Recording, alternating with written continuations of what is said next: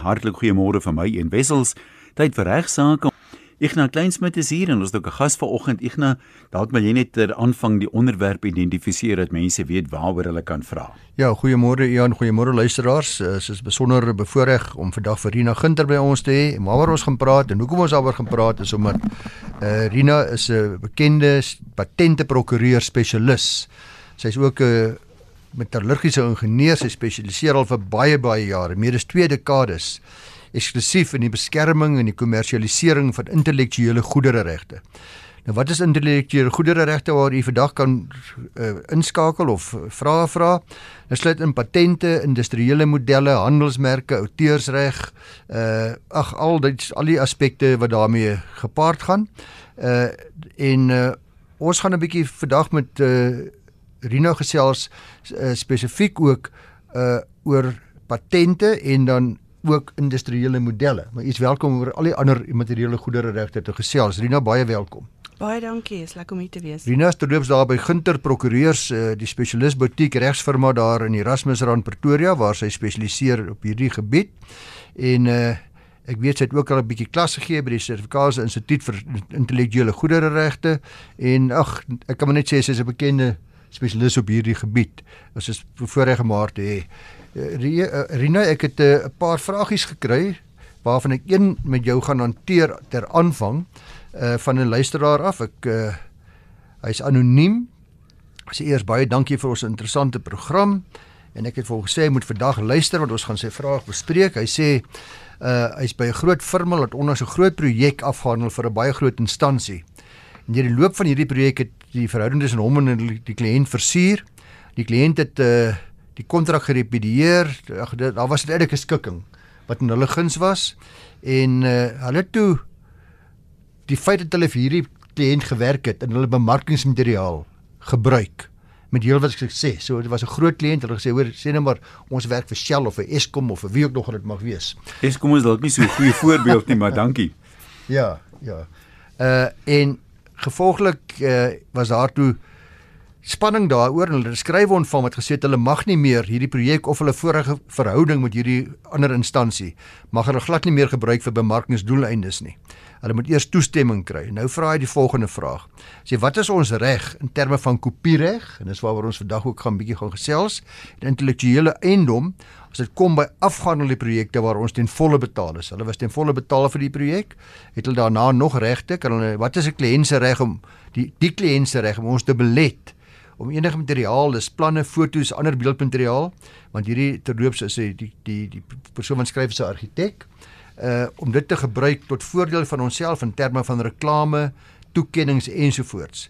Is daar enige omstandighede waaronder argitekte hulle kopiereg of intellektuele eienaarsreg verloor op dit wat hulle self produseer? Uh hy sê hy luister graag en ek hoop hy luister vandag. Ehm um, hierdie is 'n baie interessante vraag en dis gewoonlik die soort dispute waarop intellektuele eiendomsreg prokureurs floreer want ons hou van hierdie komplekse ou dingetjies. die die vraag is ongelukkig het ongelukkig nie 'n een eenvoudige antwoord nie.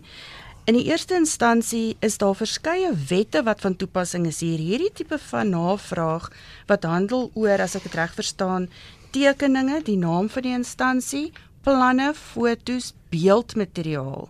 Dis die goed wat hy noem. Val eintlik die word verskillend hanteer. So die relevante wetgewing hier is die outeursregwet, die handelsmerkwet en dan ook die gemeenereg wat nou nie wetgewing is nie, maar wat gaan oor kontrakte en die beginsels van onregmatige mededinging. Nou wat belangrik is om in ag te neem is dat outeursreg setel in die eerste instansie in die materiële beliggaaming van 'n werk, nie in die gedagte agter dit nie. So as ons byvoorbeeld kyk na goed soos fotos of beeldmateriaal, dan is outeursreg nie gesetel in die feit dat ek nou vir jou sê, hoorie, ek dink ons moet 'n foto neem van daai gebou van hierdie hoek af. Dit is nie voor die foto nie geneem is nie, is daar nog nie outeursreg nie. Maar die oomblik wanneer die foto geneem word op my instruksie en ek het jou nou mooi ingelig hoe ek wil hê jy moet die foto neem, teen sonsondergang hierdie hoek inkry. Ek het die foto saamgestel ongeag wie die kamera se knoppie gedruk het, dan skop outeursreg in en inderdaad in die hande van die persoon wat hierdie komposisie saamgestel het, nie in die in die fotograaf noodwendig nie. Dit kan natuurlik dieselfde mens wees, maar partykeer is dit nie. Dieselfde geld met beeld, beeldmateriaal. So Die die eerste beginsel is ons kyk eers wanneer dit is is daar 'n werk wat tot stand gekom het wat ek sommer in aanhalingstekens altyd sê is dit sintuiglik waarneembaar, dan het ons reg. Dan is die tweede vraag, ehm um, wie is die outeur van daardie reg? Want soos ek nou genoem het, die outeur in die eerste instansie van iets soos 'n foto of beeldmateriaal is die persoon wat die reëlings tref rondom die vervaardiging van die beeldmateriaal of die foto wat geneem word. Die outeur in die eerste instansie van tekeninge is die persoon wat fisies die tekening gemaak het. So die tweede vraag wat die reg moet aanspreek is wie is die outeur? Dan is die derde vraag maar wie besit die reg? Want dis nie noodwendig die outeur nie. As 'n outeur byvoorbeeld in diens staan van 'n werknemer, dan kan dit wees dat daar ag van 'n werkgewer, dan kan daardie werkgewer die eienaar wees alhoewel die outeur die individu is wat fisies die werk geskep het. So nou het ons al hierdie ehm um, oorwegings en dan sê ons nou maar goed wat wat mag jy nou nie doen nie. Nou die outeursregwet handel met die gebruik van die oorspronklike werk as ook reproduksies of aanpassings van die werk. Reproduksies ehm um, en aanpassings uh, uh, veral wanneer dit kom by argitekte is 'n reproduksie byvoorbeeld die tweedimensionele um, weergawe van 'n tekening, met ander woorde modelle. So as jy nou 'n tekening gemaak het, dan sit hulle outeursreg in die tekening, maar gaan iemand anders nou en hulle kopieer nou nie jou tekening nie, maar hulle vat die tekening en bou 'n model en hulle volgens daai model wil hulle dan nou iets doen. Dan is dit steeds 'n skending van die outeursreg in die tekening omdat die tweedimensionele reproduksie daarvan ook beskerm is. Die outeursregwet adresseer ook geboue self. Met ander woorde, jy kan nie sommer net 'n gebou wat ehm um, gebou is, sê net maar jy kyk na die Opera Huis in in in Australië. Nou besluit ek bou ook sommer nou 'n gebou hierdie kant nie, want daar setel outeursreg in daai fisiese gebou self volgens ons outeursregwet. Die verdere oorwegings hier natuurlik is die kontraktreg. Wat het die partye ooreengekom rondom die um, in die eerste instansie die vestiging van die outeursreg en die da daarna lisensiering van die reg. Want wat belangrik is om te onthou is dat wanneer jy as 'n 'n persoon wat iemand aanstel om 'n werk te verrig, sê nou maar tekening vir jou te maak. En jy betaal daai persoon vir die lewer van die tekening dan betaal jy vir 'n werk wat gelewer, jy betaal vir die produk. Jy het nie outomaties die outeursreg wat onderliggend is in daai tekening nie. Jy kan nie net nilly-willy gaan en daai tekening vat en sê net maar iets gaan maak nie. 'n Voorbeeld wat ek nou onlangs mee te doen gehad het, is mense wat ehm um, route molders is. Hulle hulle maak die gietstukke vir vir groot uh rotation molding uh apparaat soos soos tanks en so aan.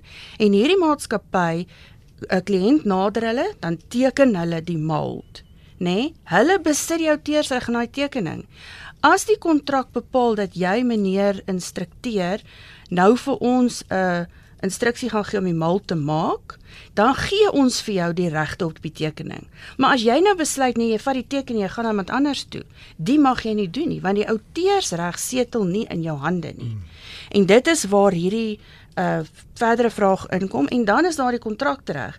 Wat het die partye in per kontrak ooreengestem mag gebruik word hmm. vir eerstens die vestiging en tweedens die daarna gebruik wat eintlik 'n lisensie is.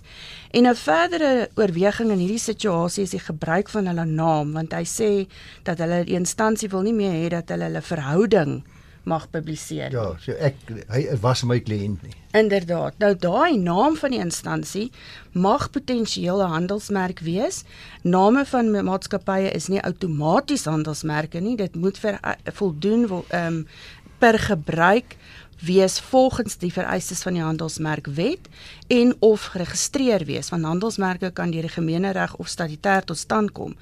Maar wanneer so 'n handelsmerk dan onregmatig gebruik word, kan dit handelsmerkregskending wees. En ongeag die status in die handelsmerk self, kan daar ook beginsels van onregmatige mededinging wees. En daar sal die ehm um, reg kyk na byvoorbeeld beginsels van wat is regverdig, eerlik en waar is daar byvoorbeeld afbreekende kommentaar? Want vergelyking tussen goedere is toelaatbaar solank dit net nie op 'n spottende of verkleinerende wyse hanteer word nie. Is daar deur die gebruik van die ou van die instansie se naam inmenging met kontraktuele verhoudings? Is daar byvoorbeeld kommersiële of psigiese druk op kliënte om 'n spesifieke diens te gebruik in plaas van iemand anders? So die beginsels wat ondersoek sal word om te sê mag ek hmm. sê ek het vir die ouens opgetree gaan afhang van hoe hulle dit fisies hanteer en of dit die grense van regmatigheid oorskry. So luisteraars, uh, het nou gehoor wat ek in die begin gesê het, hierdie is 'n spesialisgebied, dis waarom ek nie daarop kan praktiseer nie, net 'n paar firmas in Suid-Afrika regtig op hierdie gebied spesialiseer. So as luisteraar baie duidelik, beginsels is mooi uiteengesit en al die gekompliseerdheid daarvan. U sal 'n spesialis prokureur moet gaan spreek om behoorlik op die eie feite toegepas 'n behoorlike antwoord daarop te kry. Inderdaad. Ons het dieper SMS se vraag gekry, redelike wye vraag van eh, Marge of Maanch is dit seker eerder. Hoekom het opleidingsinstansies die reg om ontwerpe van studente vir hulle self toe te eien? Is dit eerstens so sê nou jy's 'n student, jy skryf 'n verhandeling of jy moet vir 'n praktiese taak een of ander ontwerp doen, het die opleidingsinstansie enige regte daarop en waaraan setel dit? Hoekom is dit so as dit so is? Ons het 'n wet in Suid-Afrika wat ons noem die IPR Act, dis die Intellectual Property from Publicly Funded Research Act. En dit spreek enige intellektuele eiendom aan wat gegenereer word by enige instansie wat geheel of gedeeltelik deur die staat befonds word. En dit sluit in plekke soos die universiteite, die ehm um, SABS, die CSIR's. So die oomblik as daar intellektuele eiendom by sodanige instansies gegenereer word, word dit volgens wet eerstens in die hande van die instansie gesit. En dan is daar sekere maatreëls wat in plek kan stel as die instansie nie die eiendomsreg wil besit nie, dan kan hulle 'n uh, NIPMO nader, dit is National Intellectual Property Management Office om te sê of dit iets is wat die regering wil kommersialiseer en aan die einde van die dag kan dit potensieel weer terugkom na die student toe. Maar die doel van die IPR Act for better or worse is om te keer dat staatsfondse nie aangewend word om intellektuele eiendom te genereer wat dan outomaties in die hande val van individue sonder dat daar een of ander voordeel teruggaan na die staat toe nie. Wat 'n bietjie daarbey aansluit Rina is die geval wat mens gereeld kry dat 'n werknemer in die loop van sy diens een of ander uitvinding maak, miskien 'n patent, miskien 'n outeur uh, outeur is ensovoorts, aan wie behoort daardie immateriële goedere reg?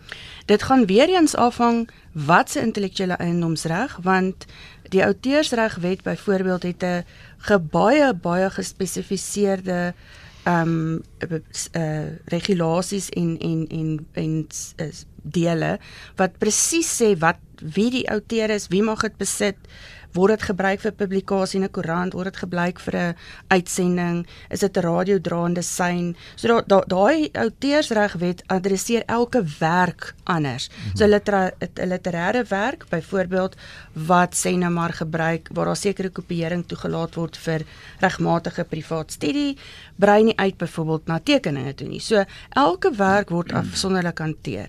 Wanneer dit kom by die patentwet, 'n uitvinding 'n uitvinding, dis reg. So wanneer dit het ek nou verkeerd gesê. Nee, nee. O, so wanneer dit kom by die uitvindings, met ander woorde ons val nou in die om, omgewing van die patentwet. Ja. Dan het die patentwet net ehm um, is half in die negatief geskryf in die sin van die wet sê as daar 'n kontrak is en dit verplig 'n werknemer om 'n uitvinding wat hy gemaak het na meer as 'n jaar na beëindiging van die kontrak of anders as deur sy diensnemingstydperk. Die wet praat van cost and scope of employment om so 'n persoon dan te dwing om die uitvinding oor te dra na die werkgewer toe is onregmatig. Die wet patentwet praat nie oor wat gebeur in die cost and scope of wat gebeur in die jaar na beëindiging van 'n die dienskontrak nie, want baie ouens wat dalk hulle besighede wil begin, maak 'n lekker uitvinding, bedank en begin dan 'n besigheid gebaseer op 'n nuwe hmm. uitvinding en dit dit is 'n probleem vir 'n werkgewer. En dan sal die beginsels van die grondwetlike ons grondwet, naamlik jou die reg om jou intellektuele vermoë te gebruik om inkomste te genereer, gaan gebalanseer word met wat sê jou dienskontrak en is die bepalinge van die dienskontrak redelik in die lig van beginsels wat deur wetgewing uitgekristalliseer is. Een van die oorwegings sal byvoorbeeld wees wat het wie waarvoor is jy aangestel en wat het jy uitgevind? As jy byvoorbeeld 'n ingenieur is en jy het 'n uitvinding gemaak in jou tegniese veld om dan na die tyd te sê dit behoort aan my, is 'n bietjie dik vir 'n daler want jy is aangestel gewees om probleme op te los en as jy dan met 'n oplossing kom, behoort dit aan die werkgewer. Mm -hmm. As jy byvoorbeeld aangestel was as die skoonmaker en jy het in 'n helder oomblik met 'n relevante oplossing gekom, gaan jou werkgewer nie outomaties regte hê tot daardie uitvinding nie, want dit was nooit waarvoor jy aangestel ja, was nie. Verstaan. Hier's 'n vraag van 'n elektriese ingenieur. Hy sê een van my projekte was ten volle ontwerp en tekening uh van die projek wat hy by die stadsraad ingedien het. Toe verkoop die kliënt die projek aan 'n ander persoon, maar die nuwe persoon het nou aangegaan met die projek maar weier om die elektriese ingenieur se uitstaande fooie te betaal wat eh, die eerste kliënt aan hom geskuld het. Het hy enige regte teen die nuwe persoon of moet hy maar die eerste kliënt aanspreek vir sy uitstaande fooie? Ja, hy moet ongelukkig maar die eerste kliënt aanspreek vir sy fooie en die eerste kliënt se natuurlik dalk moontlik weer 'n verhaalsry gee teen die persoon wat dit by hom gekoop het as hy dit onregmatig. Lei af die nuwe persoon dit van die goed nou gaan gebruik so. Ja, nee, okay. sy sy sy Nexus is direk net die persoon met wie hy die kontrak gesluit het of vir wie hy gewerk het met wie hy die onderhandeling gevoer het. Daar is hier 'n vraag oor jy weet bekende persone, sportmense en so aan wat dikwels nou 'n boek skryf, 'n biografie, my lewe in sport of wat ook al. Nou vra die persoon jy hoor soms van dit is nou 'n biografie wat die sportman doen saam met 'n spookskrywer dikwels. Maar soms hoor jy ook van 'n ongemagtigde biografie. Dan is daar so eers op die boek staan daar dat die persoon dit nou nie sy samewerking gegee nie, maar hier is sy lewensverhaal. Mag mense dit doen? Was daar enige reëls wat hulle regte beperk om jou hele lewe oop te vlek te gaan praat met jou ou skoolhoof oor wat se tipe leerling jy was?